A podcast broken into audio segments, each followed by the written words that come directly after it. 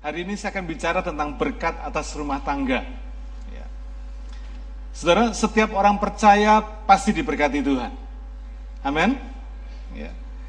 Tetapi banyak orang per, per, orang percaya atau orang Kristen yang tidak tahu bahwa berkat single itu beda dengan berkat couples. Siapa yang tahu ini? Ya. Banyak orang nggak ngerti, saudara bahwa berkat orang yang belum menikah, saya percaya setiap orang percaya kalau sudah percaya, tiap orang yang percaya pasti diberkati oleh Tuhan, ya. Tetapi berkat setiap orang itu dengan berkat couples itu beda. Ya. Ulangan 32 ayat yang ke-30 berkata demikian. Bagaimana mungkin satu orang dapat mengalah, satu orang dapat mengejar seribu orang dan dua orang dapat membuat lari sepuluh ribu orang. Kalau tidak gunung batu mereka telah menjual mereka dan Tuhan. Bahasa aslinya disebut Yehova. Dan Tuhan telah menyerahkan mereka.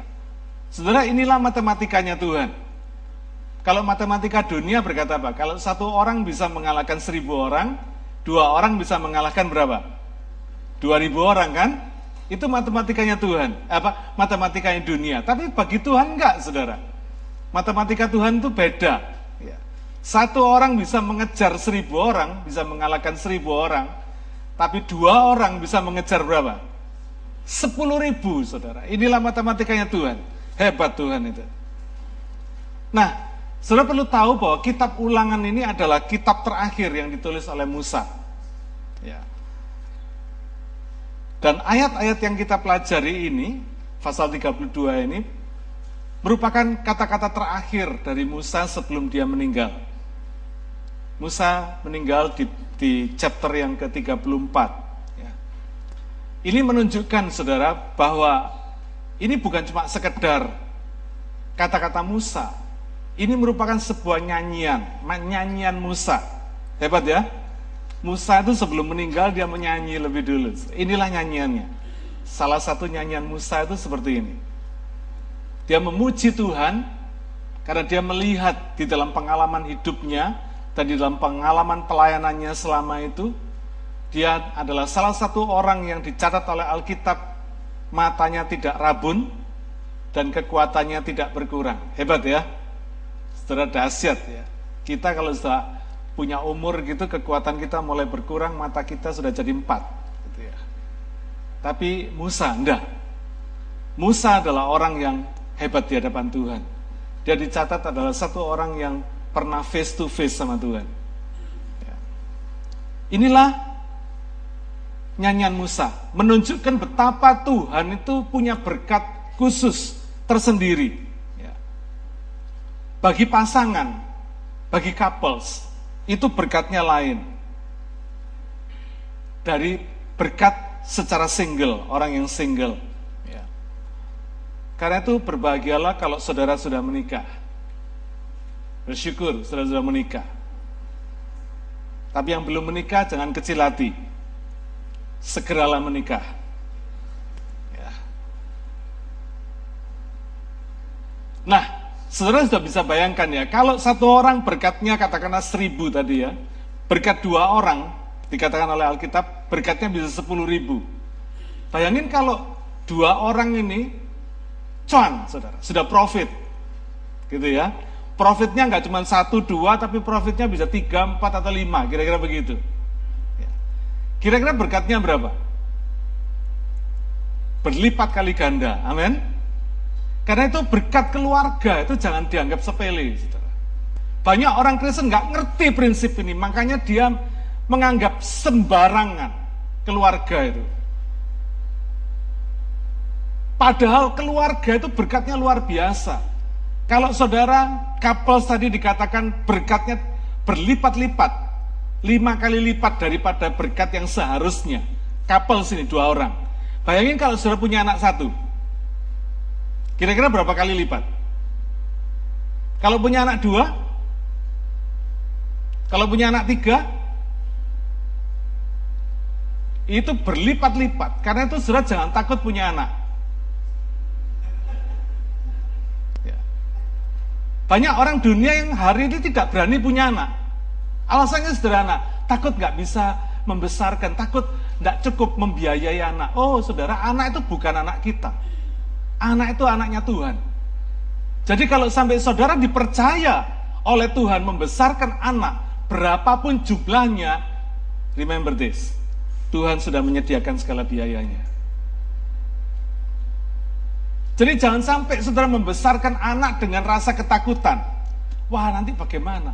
Biayanya besar, nanti repotnya gini. Saudara, persoalannya itu kembali kepada diri kita sendiri. Takut tidak punya uang, takut repot, takut ini, takut itu. Padahal Tuhan yang mempercayakan kepada saudara. Amin. Kalau nggak Tuhan mempercayakan kepada saudara, tidak akan pernah anak itu bisa sempat lahir dari kandungan saudara. Amin. Saya beberapa waktu yang lalu saya sudah menceritakan. Kebetulan saya banyak berdiskusi dengan dengan ginekolog ketika ada seorang yang mengikuti program IVF.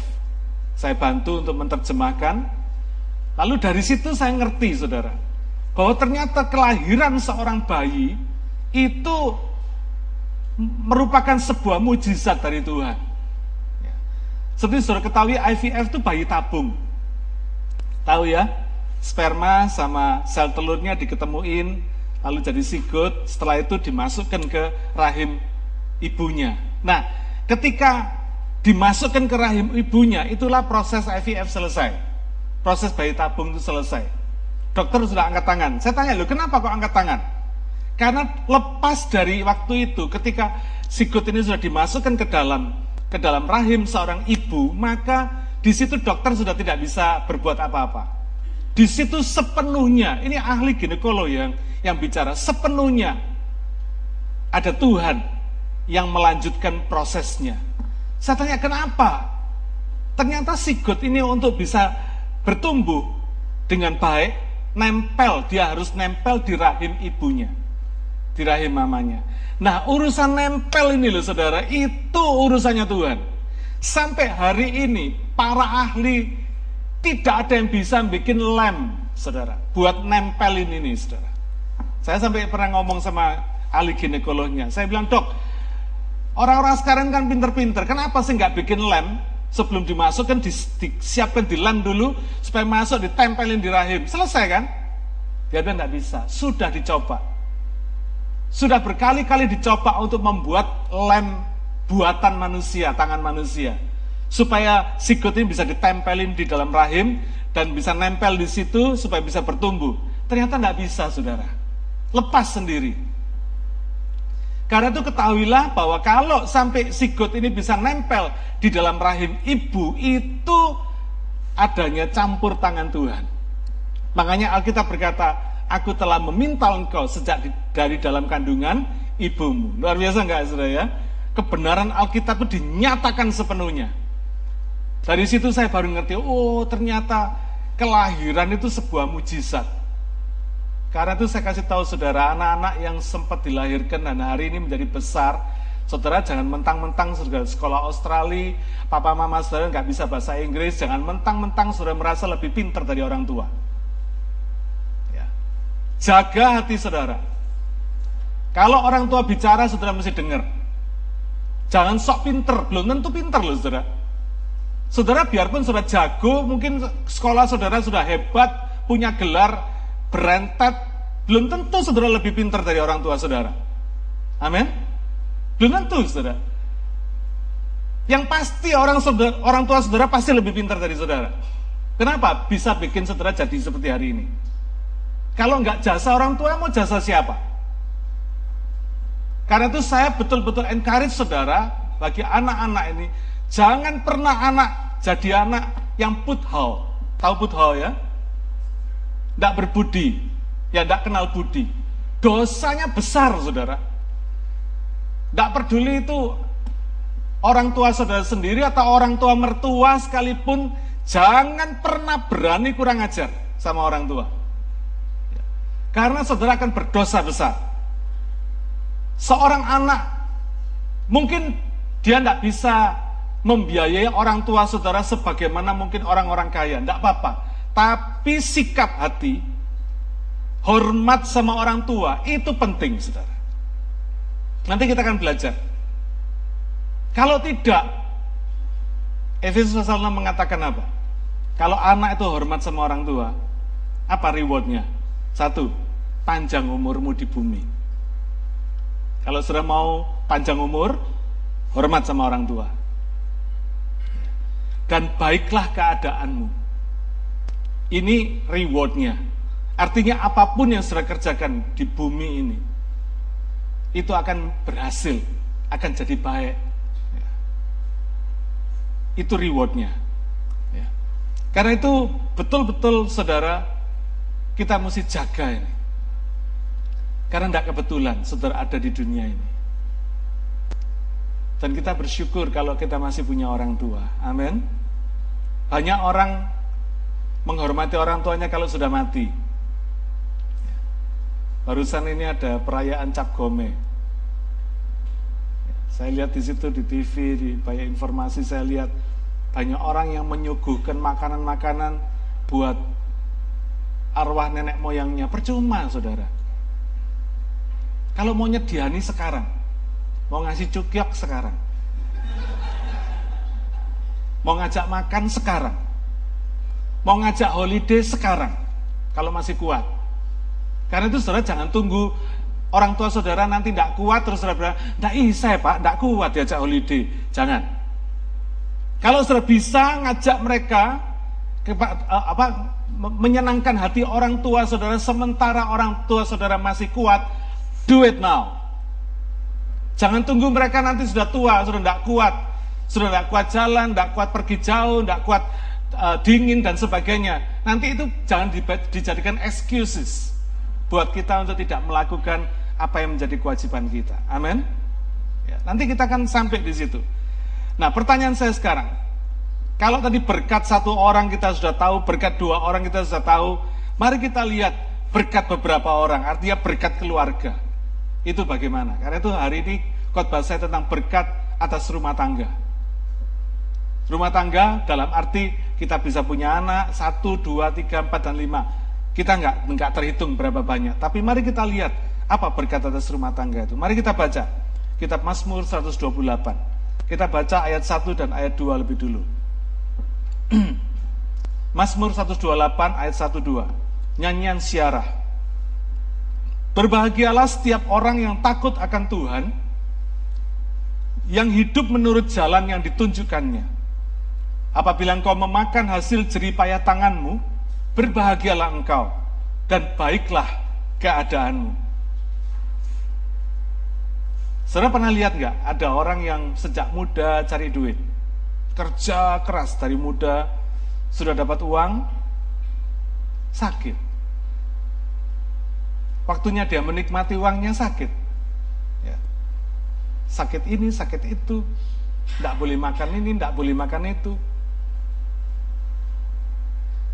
Makannya bahkan ada yang cuma lewat infus. Kasihan enggak orang seperti ini? mudah cari duit, susah-susah, kerja keras, sudah dapat duit, sudah waktunya dia menikmati, sakit. Ya. Bahkan bisa beli Mercedes Benz, tapi tiap hari kontrol ke rumah sakit harapan kita. Tidak enak kan saudara ya? Maunya kita bisa menikmati, tapi inilah kenyataan. Balance uang di bank banyak, nolnya banyak. Tapi tidak bisa dinikmati, cuma bisa dilihat. Cuma terima laporannya, bank statementnya tiap bulan, lihat, oh nolnya banyak gitu ya, seneng. Tapi tidak bisa menikmati. Pengkhotbah 6 ayat 1 dan 2 berkata demikian. Ada satu kemalangan yang telah kulihat di bawah matahari, yang sangat menekan manusia. Orang yang dikaruniai Allah kekayaan, harta benda dan kemuliaan, sehingga ia tak kekurangan suatu pun yang diingininya tetapi orang itu tidak dikaruniai kuasa oleh Allah untuk menikmatinya. Melainkan orang lain yang menikmatinya. Inilah kesia-siaan dan penderitaan yang pahit. Saya pernah ngobrol dengan seorang sopir dari seorang konglomerat besar. Saya tanya, Pak, menurut Bapak yang lebih bahagia itu bosmu apa kamu? Oh saya Pak. Dengan PD-nya supir ini berkata, saya pak. Loh, kok bisa begitu? Iya, waktunya libur saya libur. Bos saya waktunya libur, dia kerja.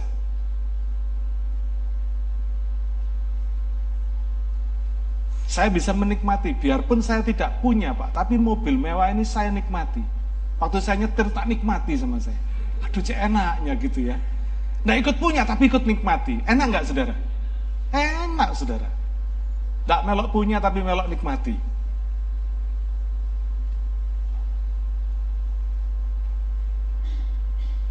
Fasilitas rumah gedong besar, televisi besar. Zaman saya itu orang belum punya televisi yang 30 inch, konglomerat sudah punya yang 100 inch. Pesen sendiri dari Amerika. Besar. Yang nikmati siapa? Pembantunya. Jam 10 ngerumpi di muka TV. Bosnya ke mana? Tidak ngerti. Menikmati. ya ada orang yang dikaruniai punya kekayaan, tapi belum tentu dikaruniai kuasa untuk menikmatinya. Karena itu hari ini saya mau kasih tahu saudara, kalau saudara bisa menikmati, nikmatilah kekayaan saudara. Amin. Nikmati kekayaan saudara bersama orang tua saudara, bersama keluarga saudara. Karena itu berkat yang Tuhan berikan untuk keluarga saudara. Ya. Kalau masih bisa kerja, bisa cari duit, Puji Tuhan. Tapi bisa menikmati itu lebih puji Tuhan lagi. Amin. Ya. Ukuran kekayaan kita tidak diukur dari berapa banyak duit yang kita punya. Tapi berapa banyak yang dapat kita nikmati dalam hidup kita sehari-hari. Saudara punya aset satu juta dolar. Is it good? Good. Siapa yang bilang tidak good? Good. Tapi kalau cuma saudara bisa nikmati 10 ribu dolar, artinya kekayaan saudara ya cuma 10 ribu dolar itu. Amin. Meskipun aset saudara sejuta dolar, di atas kertas saudara punya aset sejuta dolar. Tapi kalau saudara cuma bisa menikmati 10 ribu dolar, rugi saudara. Karena kita sebetulnya kekayaan kita tidak tidak beda dengan orang yang punya kekayaan 10 ribu dolar, tapi bisa menikmati. Karena itu saya senang kalau jemaat CLC holiday bersama keluarga. Ya, senang saya. Karena apa? Itu tandanya jemaat bisa menikmati kekayaan yang Tuhan berikan lewat jerih payahnya. Tadi itu ya, ketika engkau memakan hasil jerih payahmu, baiklah keadaanmu. Saudara rugi, kalau saudara berjerih payah tidak bisa nikmati, rugi saudara. Ya. Saya pengertian saya menikmati itu bukan foya-foya. Beda loh saudara. Ya.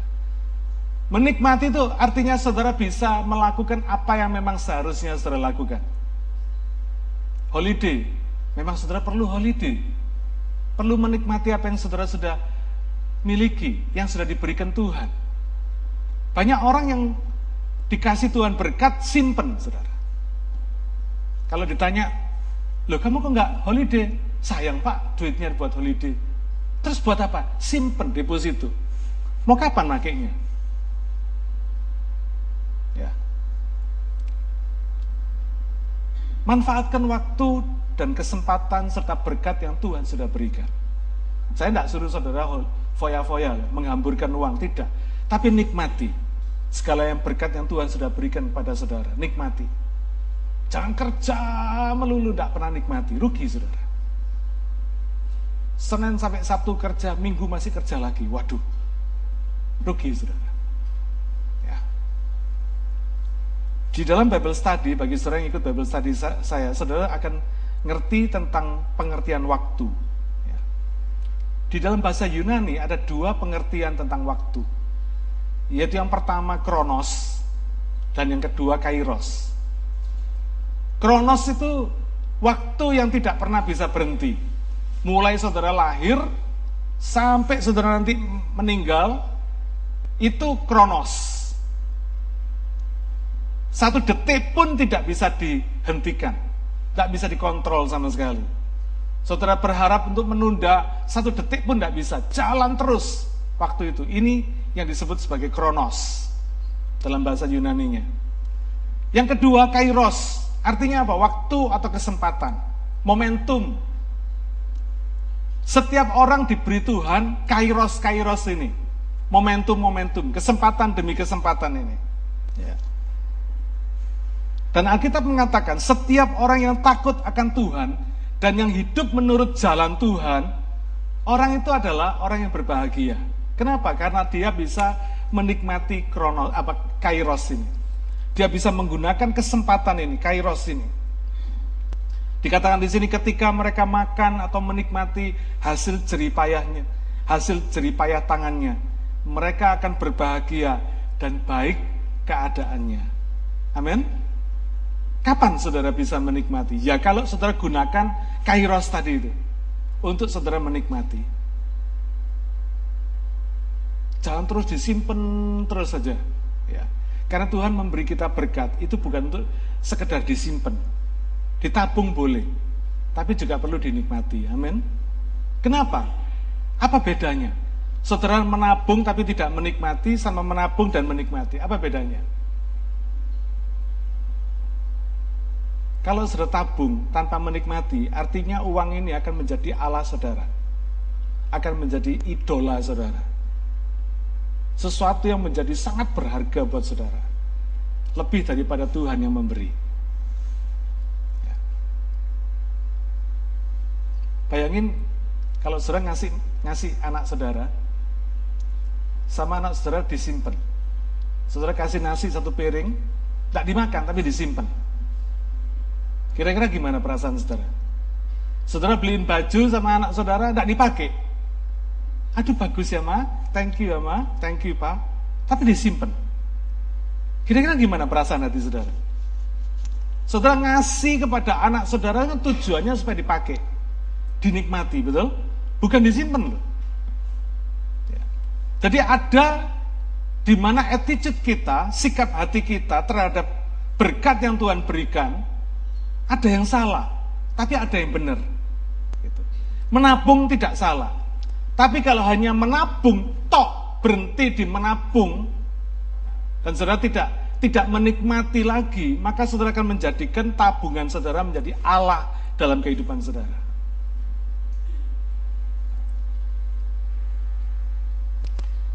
Karena itu mendapat berkat itu beda dengan menikmati berkat. Ada orang yang cuma bisa mencari berkat, mendapat berkat, tapi tidak bisa menikmati berkat. Ternyata menikmati berkat itu adalah anugerah. Ya. Satu kasih karunia. Kita perlu kuasa dan anugerah Tuhan untuk bisa menikmati hasil jeripayah tangan kita. Kalau satu hari Tuhan kasih saudara kesempatan, kairos untuk saudara bekerja. Terus saudara malas-malesan. Kairos itu tidak mungkin datang lagi. Karena Tuhan berkata apa? Kalau kita setia dalam perkara kecil, dia akan memberikan tanggung jawab kepada kita dalam perkara yang lebih besar.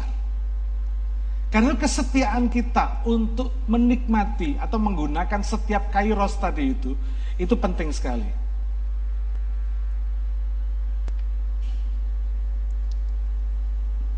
Ketika saya masuk ke pedalaman Kalimantan baru-baru ini, dalam mission trip ke sana, saya ketemu dengan seorang hamba Tuhan,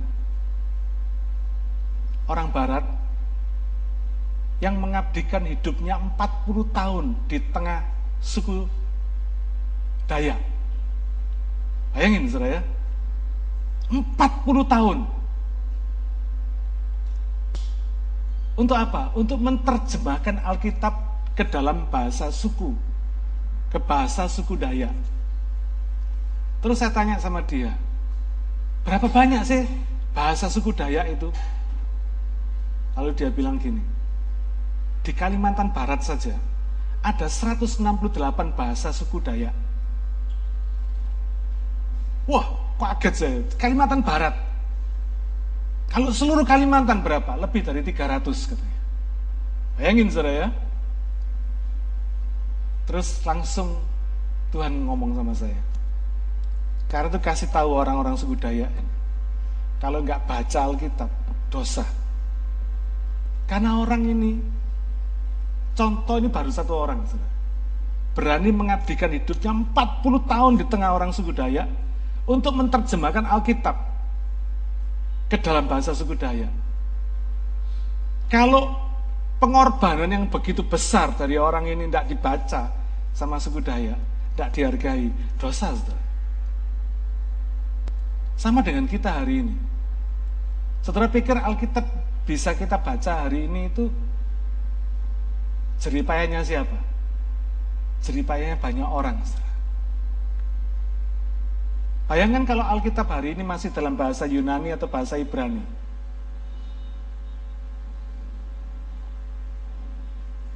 Dan kalau hari ini kita semua sudah diberi sama Tuhan kesempatan bisa baca Alkitab dalam bahasa Indonesia, saudara harus ketahui ada banyak pengorbanan orang yang menerjemahkan Alkitab ke dalam bahasa Indonesia. Amin. Kita tidak pernah tahu siapa. Mungkin mereka sudah alma, almarhum, udah tidak ada. Tapi jasa mereka membuat kita hari ini bisa baca Alkitab dalam bahasa Indonesia. Karena itu kalau saudara punya Alkitab nggak dibaca, dosa saudara. Karena kita nggak menghargai jerih orang yang sudah dipakai Tuhan untuk memberkati kita hari ini. Apa pun alasan saudara,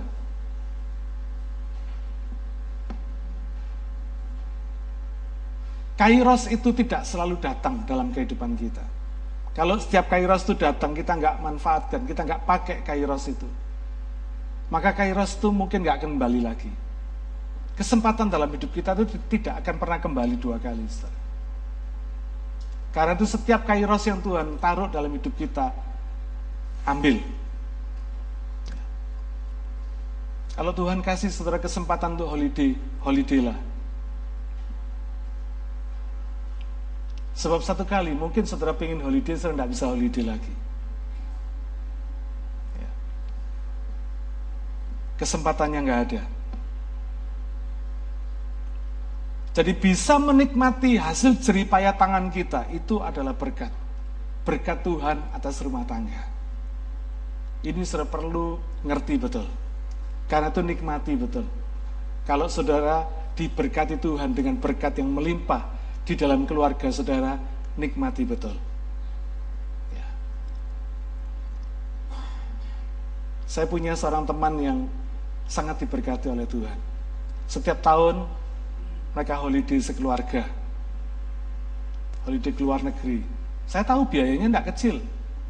Dan mereka bukan orang yang terlalu kaya raya. Tapi mereka bisa menikmati segala kekayaan, segala berkat yang Tuhan berikan di dalam kehidupan kita. Amin.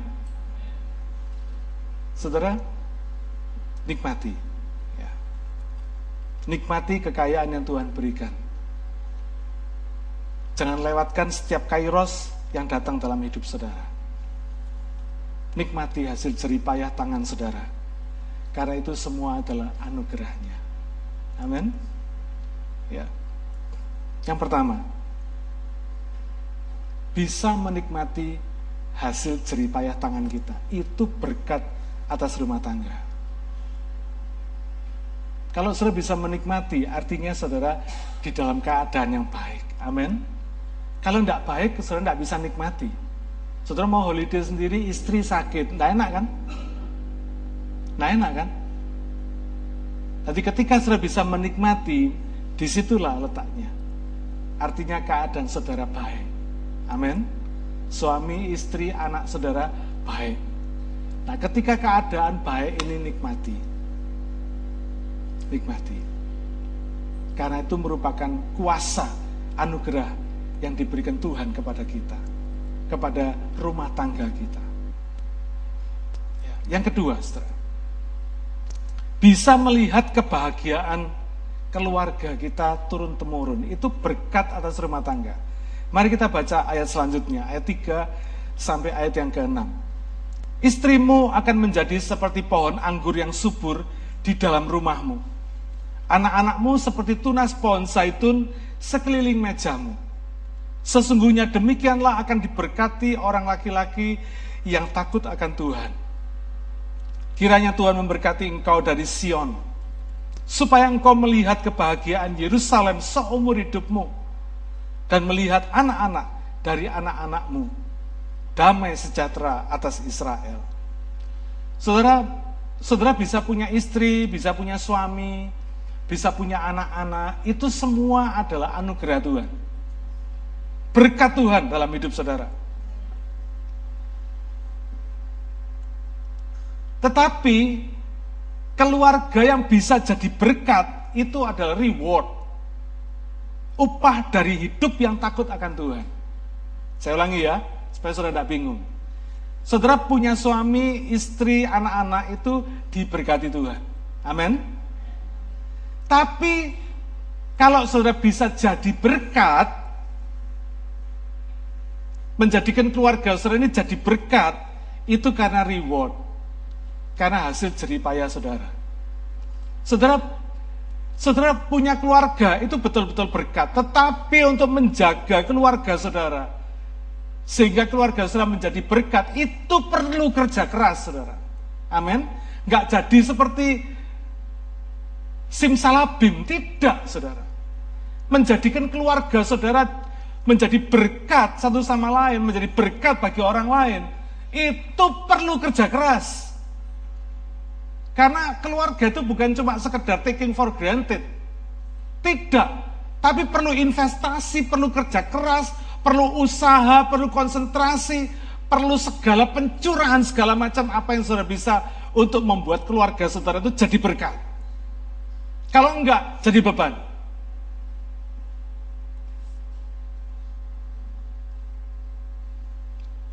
Saya senang sekali baca Mazmur 128 ini. Karena di situ dikatakan, istrimu akan menjadi pohon anggur subur di dalam rumahmu banyak istri-istri tidak jadi berkat dalam rumah. Banyak. Kenapa saya bisa berani berkata banyak? Karena banyak bapak-bapak yang konseling sama saya. Bapak-bapak ini tidak bahagia. Kenapa? Karena istrinya nggak jadi berkat di dalam rumah. Istri saya hebat pak, tapi hebatnya di luar. Jadi pohon anggur subur di luar rumah, bukan di dalam rumah.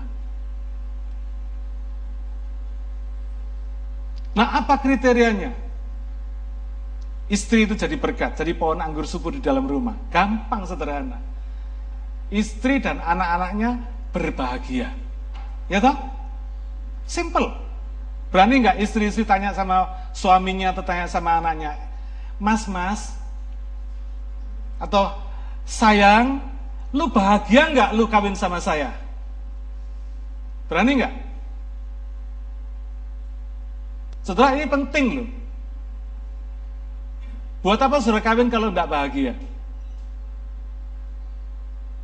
Kawin sekali berikan kebahagiaan buat orang yang mengawini saudara. Atau yang saudara kawini. Amin. Sebaliknya juga begitu. Suami-suami harus tanya sama istrinya, berani nggak? Lu bahagia nggak kawin sama gua? Mama-mama berani nggak tanya sama anaknya, nak Lu bahagia nggak punya orang tua seperti saya ini? Seperti papa mama ini, lu bahagia nggak? Berani nggak orang tua tanya seperti itu pada anaknya? Atau secara sederhana, secara sederhana, kalau suami sama anak itu bahagia, pasti kerasan di rumah. Ya toh? Nggak ngelayap. Nah coba periksa sendiri. Kira-kira suami saudara sama anak-anak saudara itu suka ngelayap atau kerasan di rumah? Atau enggak kerasan di rumah?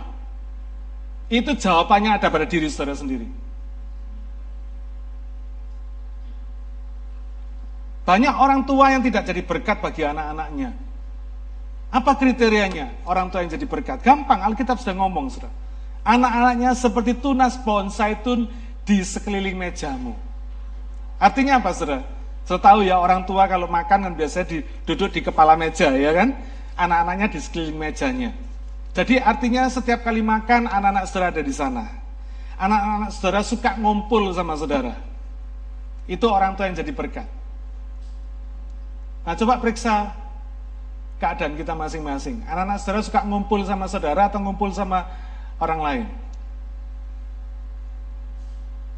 Mungkin khotbah saya hari ini keras, tapi saya harapkan khotbah ini bisa menjadi berkat buat saudara. Belum terlambat, amin. Kalau masih ada yang salah, belum terlambat. Mari diperbaiki. Karena untuk menjadi keluarga yang diberkati Tuhan dengan berkat rumah tangga, seperti Mazmur 128 ini, perlu kerja keras. Amin. Bukan taking for granted, nggak jadi seperti kita simsalabim jadi seperti satu malam, enggak. Perlu kerja keras. Merit itu perlu kerja keras. Untuk menciptakan kebahagiaan saudara dan saya, kebahagiaan keluarga, kebahagiaan rumah tangga itu perlu kerja keras. Saya berani ngomong begini bukan berarti terus keluarga saya sudah sudah hebat, tidak. Saya pun juga masih kerja keras untuk menciptakan kebahagiaan dalam rumah tangga ini. Tidak gampang, saudara. Siapa yang bilang merit gampang? Siapa yang bilang merit gampang? Yang belum merit gak usah komentar. Yang sudah merit aja. Siapa yang setuju? Merit itu gampang. Siapa yang bilang merit itu tidak gampang? Oh, puji Tuhan. Puji Tuhan. Tidak gampang, saudara. Merit itu tidak gampang. Karena itu dibutuhkan kemauan. Dibutuhkan willingness. Strong willingness. Dibutuhkan konsentrasi. Dibutuhkan effort, usaha. Dibutuhkan endurance ketahanan, ketekunan, perseverance, itu semua dibutuhkan untuk menciptakan sebuah keluarga yang mampu diberkati Tuhan seperti Mazmur 128. Kalau enggak sudah rugi. Bisa disediakan sama Tuhan Mercedes Benz. Punya Pak, saya Mercedes Benz. Di mana? Di garasi. Enggak bisa dinikmati. Rugi, saudara. Ini berkat atas rumah tangga yang diberikan kepada setiap orang percaya. Nikmati berkat ini. Ini janjinya Tuhan. Kalau sudah tidak bisa nikmati, sudah rugi sendiri. Karena ini yang tersedia. Karena itu perlu kerjasama, perlu usaha. Perlu usaha, perlu perlu konsentrasi, perlu segalanya, pen, perlu pencurahan segenap perhatian saudara untuk menciptakan berkat atas rumah tangga ini. Karena ini adalah reward. Bukan cuma sekedar kasih karunia, tapi reward. Anak-anak kerasan di rumah, dekat sama orang tua. Kalau sampai anak-anak saudara tidak kerasan di rumah, koreksi diri saudara sendiri.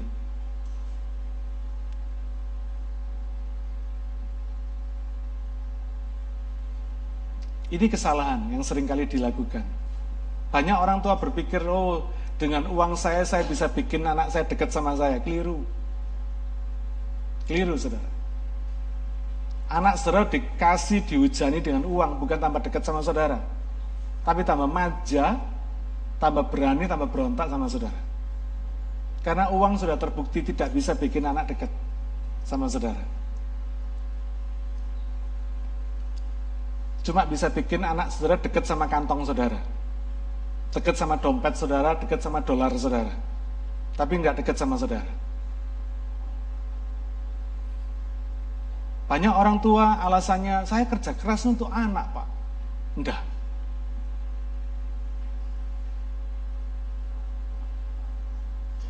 Karena anak tadi itu saudara ya, anak bukan milik saudara.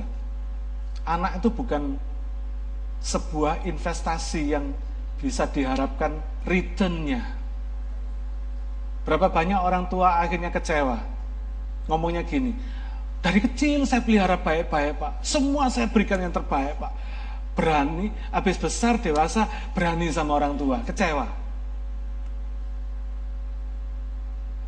Tidak kenal budi pak anak saya, kecewa.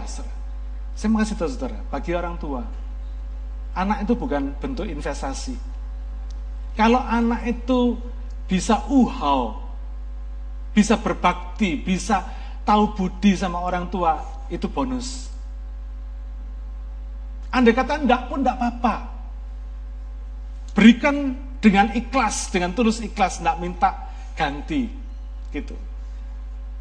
Kita sebagai orang tua enggak punya, enggak boleh punya sikap ini. Gua baik-baik sama lu, besok kalau papa sudah tua, lu pelihara papa ya. Itu bocengli, saudara. Kenapa? Saya kasih tahu itu Bu Cingli. Karena anak kita nanti kelak punya keluarga sendiri, betul nggak? Jadi nggak boleh kita mengharapkan anak kita terus memelihara kita. Tapi kalau sampai anak ada anak yang kenal budi, yang terus bersedia memelihara orang tuanya sampai orang tuanya meninggal, tidak ada anak ini pasti diberkati oleh Tuhan. Pasti diberkati oleh Tuhan. Karena ketika anak ini sudah menikah, maka tanggung jawab anak ini kepada keluarganya sendiri. Tapi di dalam merit counseling saya selalu mengajarkan kepada pasangan nikah. Kamu jangan lupa sama orang tuamu ya. Meskipun orang tua tidak mengharapkan balas budi anak kepada orang tua, tapi anak tidak boleh lupa akan budi orang tuanya. Amin. Istilah balas budi itu sebetulnya tidak ada, saudara. Anak itu tidak ada yang bisa membalas budi orang tua, tidak ada. Tidak ada. Kenapa? Karena kalau nggak ada orang tua, nggak ada kita. Kalau orang tua tidak melakukan kebaikan-kebaikan dalam hidup kita, kita nggak bakal jadi seperti hari ini. Jadi untuk kita membalas budi orang tua, itu dalam tanda petik aja. Mengingat kebaikan orang tua, apa yang sudah orang tua lakukan terhadapnya. Dan memelihara orang tua sebagai satu komitmen. Komitmen pribadi dari anak kepada orang tua. That's very good.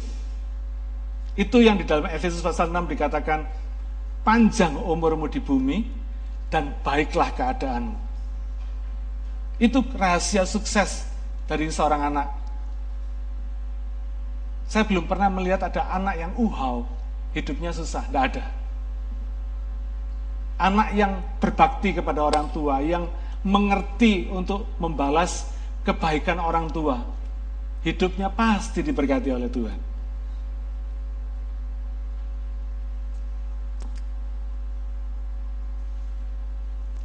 Mengapa saya katakan kalau anak itu berbakti kepada orang tua, anak itu tahu berterima kasih kepada orang tua hidupnya enak. Kenapa? Karena itu sesungguhnya adalah nilai-nilai keluarga yang sedang diajarkan untuk anaknya sendiri. Nangkep gak saudara ya? Ketika kita melakukan sebuah kebaikan, sebuah nilai-nilai kehidupan yang baik, maka apa yang kita lakukan ini direcord, direkam oleh anak-anak kita.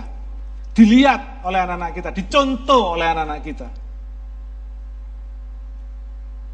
Nah nilai-nilai ini yang dilanjutkan oleh anak-anak kita untuk diri kita sendiri. Amin. Ada sebuah kisah yang menarik. Ada seorang ayah yang sudah tua namanya sudah tua, tangannya tremor, saudara ya, gemeter gitu ya, kalau makan. Jadi kalau makan itu karena tangannya gemeter, nasinya tumpah semua, gitu ya. tumpah semua.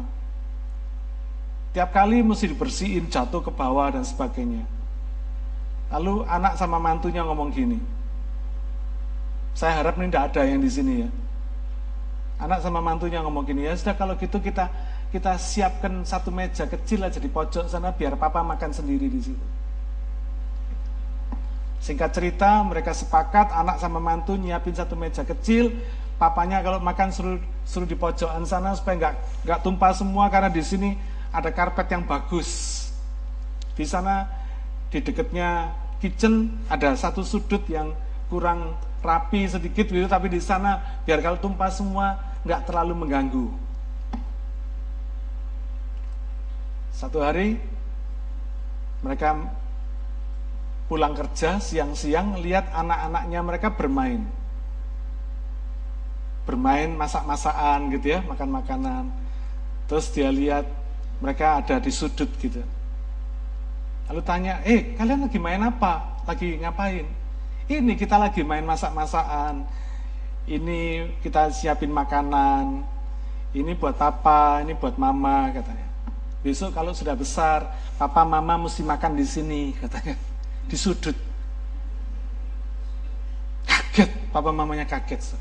Lu, apa yang mereka lakukan terhadap papanya, ditiru sama anaknya.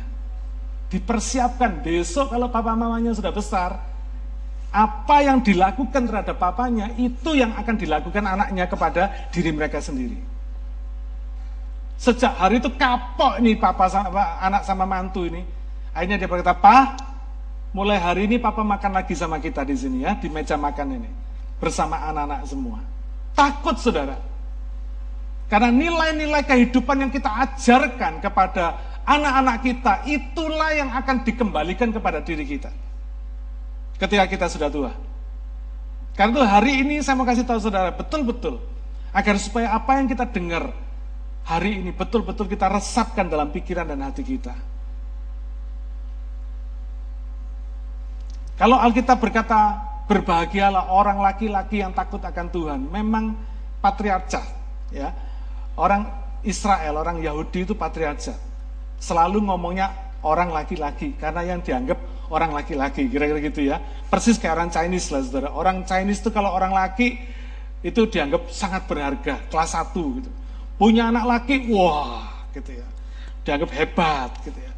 Punya anak perempuan, wah, gitu ya. Dianggap kelas dua, enggak. Ya. Alkitab enggak begitu. Cuma karena partiacatnya aja disebut anak laki-laki. Padahal itu berlaku. Takut akan Tuhan itu berlaku bagi anak laki ataupun anak perempuan. Bagi orang laki ataupun orang perempuan. Tidak peduli gender. Amin. Jadi kalau kita berkata berbahagialah orang laki-laki yang takut akan Tuhan, artinya berbahagialah semua orang yang takut akan Tuhan. Kalau kita ingin melihat kebahagiaan Yerusalem, dikatakan di sini, dia akan melihat kebahagiaan Yerusalem. Kebahagiaan keluarganya maksudnya. Maka kita harus memusatkan rumah tangga dan keluarga kita kepada kuncinya, yaitu apa? Takut akan Tuhan. Takut akan Tuhan itu bukan cuma mulut, saudara. Bukan cuma omongan. Tapi tindakan. Betul-betul merupakan sebuah tindakan. Takut akan Tuhan itu. Bukan takut akan uang. Jadi kalau sampai hari ini orang tua konsentrasinya duit, duit, duit yang dibicarakan di rumah duit.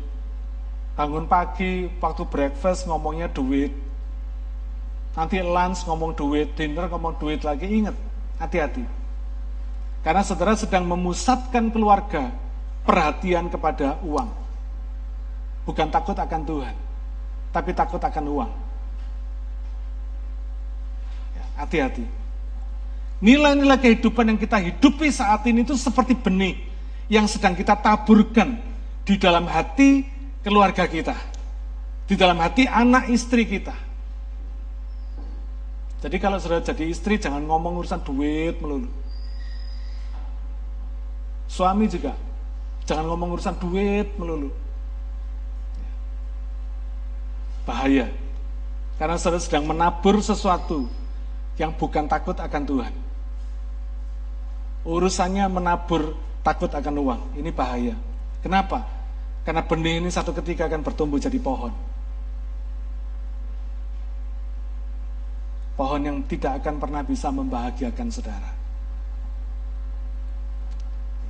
Hari ini apa yang kita tabur dalam keluarga kita? Kita pusatkan keluarga kita pada uang atau pada Tuhan? Pusatkan keluarga kita kepada Tuhan.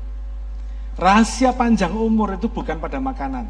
Kita berkata ya, maka kamu akan melihat kebahagiaan Yerusalem. Kamu akan melihat anak-anak dari anak-anak cucu, apa dari anak-anakmu. Artinya apa? Panjang umur, saudara. Luar biasa ini, berkat atas rumah tangga ini berkat panjang umur, saudara. Panjang umur itu bukan karena makanan. Ada banyak orang yang jaga makan, mati muda. Banyak teman-teman saya dokter mati muda. Padahal jaga makanan luar biasa. Bukan, panjang umur itu bukan urusan makanan. Bukan juga obat. Karena obat panjang umur itu cuma ada di dongeng. Kaisar China pernah mengutus utusannya untuk cari obat panjang umur. Sampai akhirnya mereka tiba di Jepang. Cuma ada di dongeng. Kenapa? Karena tidak berani pulang ke China lagi takut dipenggal karena tidak dapat obatnya panjang umur. Ya, takut. Panjang umur juga bukan karena diet. Dia cuma bisa bikin kita kurus, tapi bukan panjang umur. Panjang umur adalah karena takut akan Tuhan. Kalau kita mau melihat anak-anak dari anak-anak kita, artinya melihat anak cucu kita, melihat kebahagiaan Yerusalem, kebahagiaan keluarga kita. Mari kita bertobat. Mari kita hidup sungguh-sungguh takut akan Tuhan.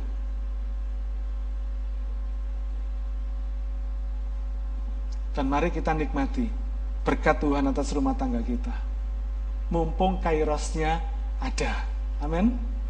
Kesempatannya Tuhan masih kasih. Belum terlambat.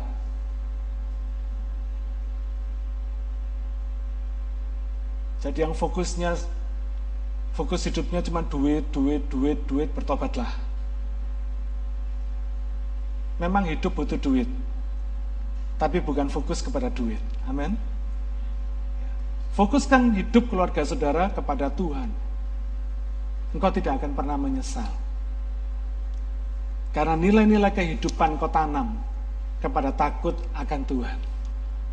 Yang membuat satu, saudara bisa menikmati segala hasil jeripayah saudara.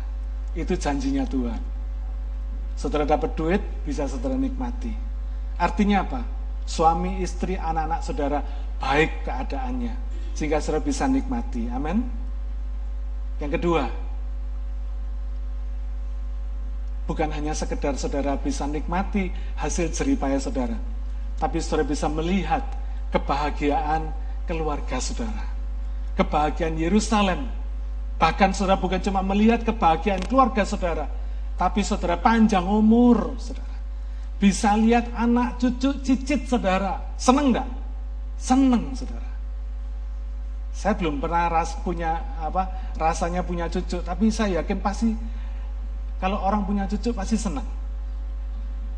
Ya, saya nggak tahu yang sudah punya cucu siapa ya? Koping ya, udah punya cucu, seneng enggak? Oh seneng katanya. Ya, seneng. Saya percaya saudara, melihat kebahagiaan Yerusalem, melihat kebahagiaan keluarga saudara, saudara pasti happy. Anak saudara sehat, diberkati oleh Tuhan, pinter, punya kedudukan yang baik, punya income yang baik, bisa menyenangkan hati saudara sebagai orang tua, saudara pasti happy. Ini berkat atas rumah tangga. Kita bisa melihat kebahagiaan Yerusalem kita. Yerusalem bicara tentang keluarga, rumah tangga kita. Dan bisa melihat anak cucu kita, umur panjang saudara Umur panjang artinya saudara diberi kesempatan melihat, tapi tidak sakit-sakitan. Gitu ya. Umur panjang tapi koma di tempat tidur ya percuma. Tapi umur panjang saudara sehat, bisa menikmati segalanya. Mau makan apa pun juga boleh, bisa. Gitu. Asal secukupnya, gitu ya. Mau makan cukyok boleh, mau makan kepiting boleh, gitu saudara ya. Nikmati segala. Karena apa? Baik keadaannya rapotnya setiap kali check up biru semua. Seneng enggak? Seneng, saudara. Seneng. Itu melebihi dari segalanya. Mari, nikmati berkat atas rumah tangga saudara. Nikmati hasil jeripaya saudara. Dan lihatlah kebahagiaan keluarga saudara. Selamat umur panjang. Karena takut akan Tuhan. Amin. Mari kita berdoa. Bapak Surgawi, kami mau bertobat.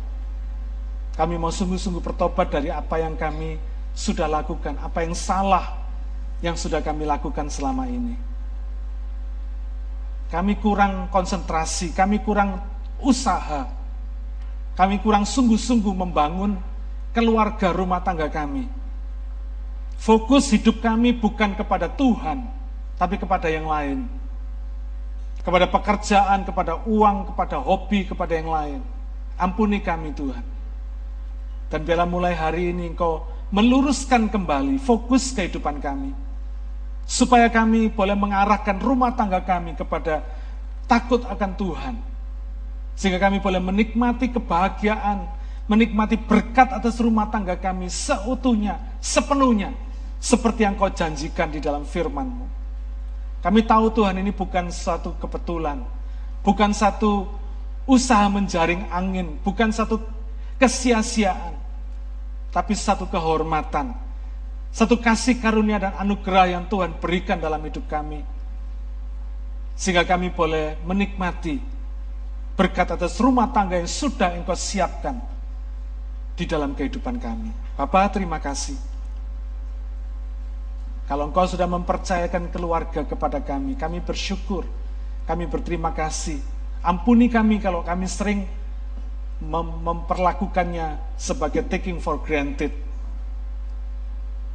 Kami kurang memperhatikan apa yang seharusnya kami lakukan untuk rumah tangga kami. Kami sering mengabaikan hal-hal kecil sampai hal-hal yang besar. Kami tidak sadar bahwa kami sedang